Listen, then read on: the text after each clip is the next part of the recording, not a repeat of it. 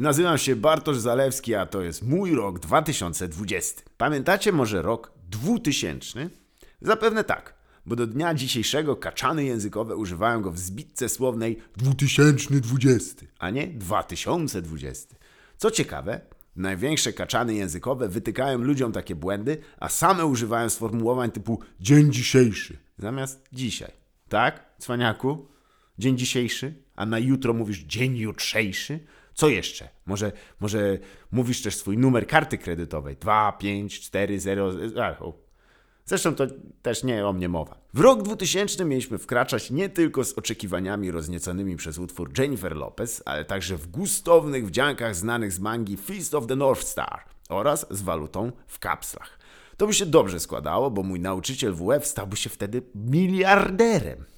A dlaczego tak miał być? Otóż za sprawą robaka roku 2000, czyli rzekomego błędu, jaki wywołałoby przestawienie zegarów w starszych komputerach na liczbę zawierającą ciąg zer. Co ciekawe, to samo miało się stać z polskim rządem przestawionym na ciąg zer. I co? Dobrze działa? Dobrze. Mimo, że strach roku 2000 był wyolbrzymiony, to wbrew pozorom problem należał do rzeczywistych. Wewnętrzne kalendarze trzeba było dostosować pod groźbą wywalenia wielu systemów płatności komputerowych. Metody były dwie: szybsza i cokolwiek tymczasowa oraz bardziej pracochłonna i solidniejsza.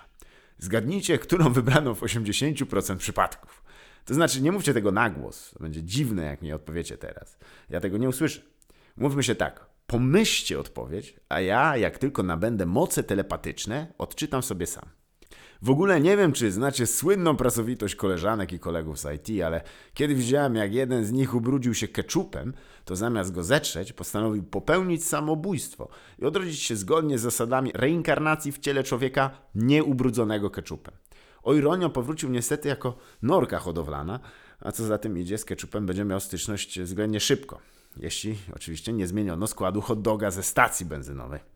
Tak zakopany problem z przestawieniem zegarów, niczym wyjątkowe sprodliwe gacie na dnie kosza z bielizną, musi w końcu wyjść na światło dzienne. Przy wtórze wzajemnych oskarżeń, pakowania waliz i scen z teledysku I'm Walking Away Craiga Davida. Podobnie było w tym wypadku, ponieważ awarie dotknęły choćby nowojorskich parkometrów, gry o tematyce wrestlingowej WWE 2K, czy mojego konta bankowego. Jakby się pytał, komornik dla Sądu Gospodarczego Warszawy Janusz Tomczak, sygnatura akt 7 na 2013. I tak w sumie poszło dobrze. Skończyła się na odpowiedniku kanapki zostawiony na dnie szafki szkolnej w 2000 i znalezionej teraz. Znając tendencję roku 2020, mogło być tak, że ta kanapka jest antychrystem i na dodatek twoim nowym tatą, który jest bardzo silny i ile byś nie ćwiczył, to pokona cię w siłowaniu na rękę.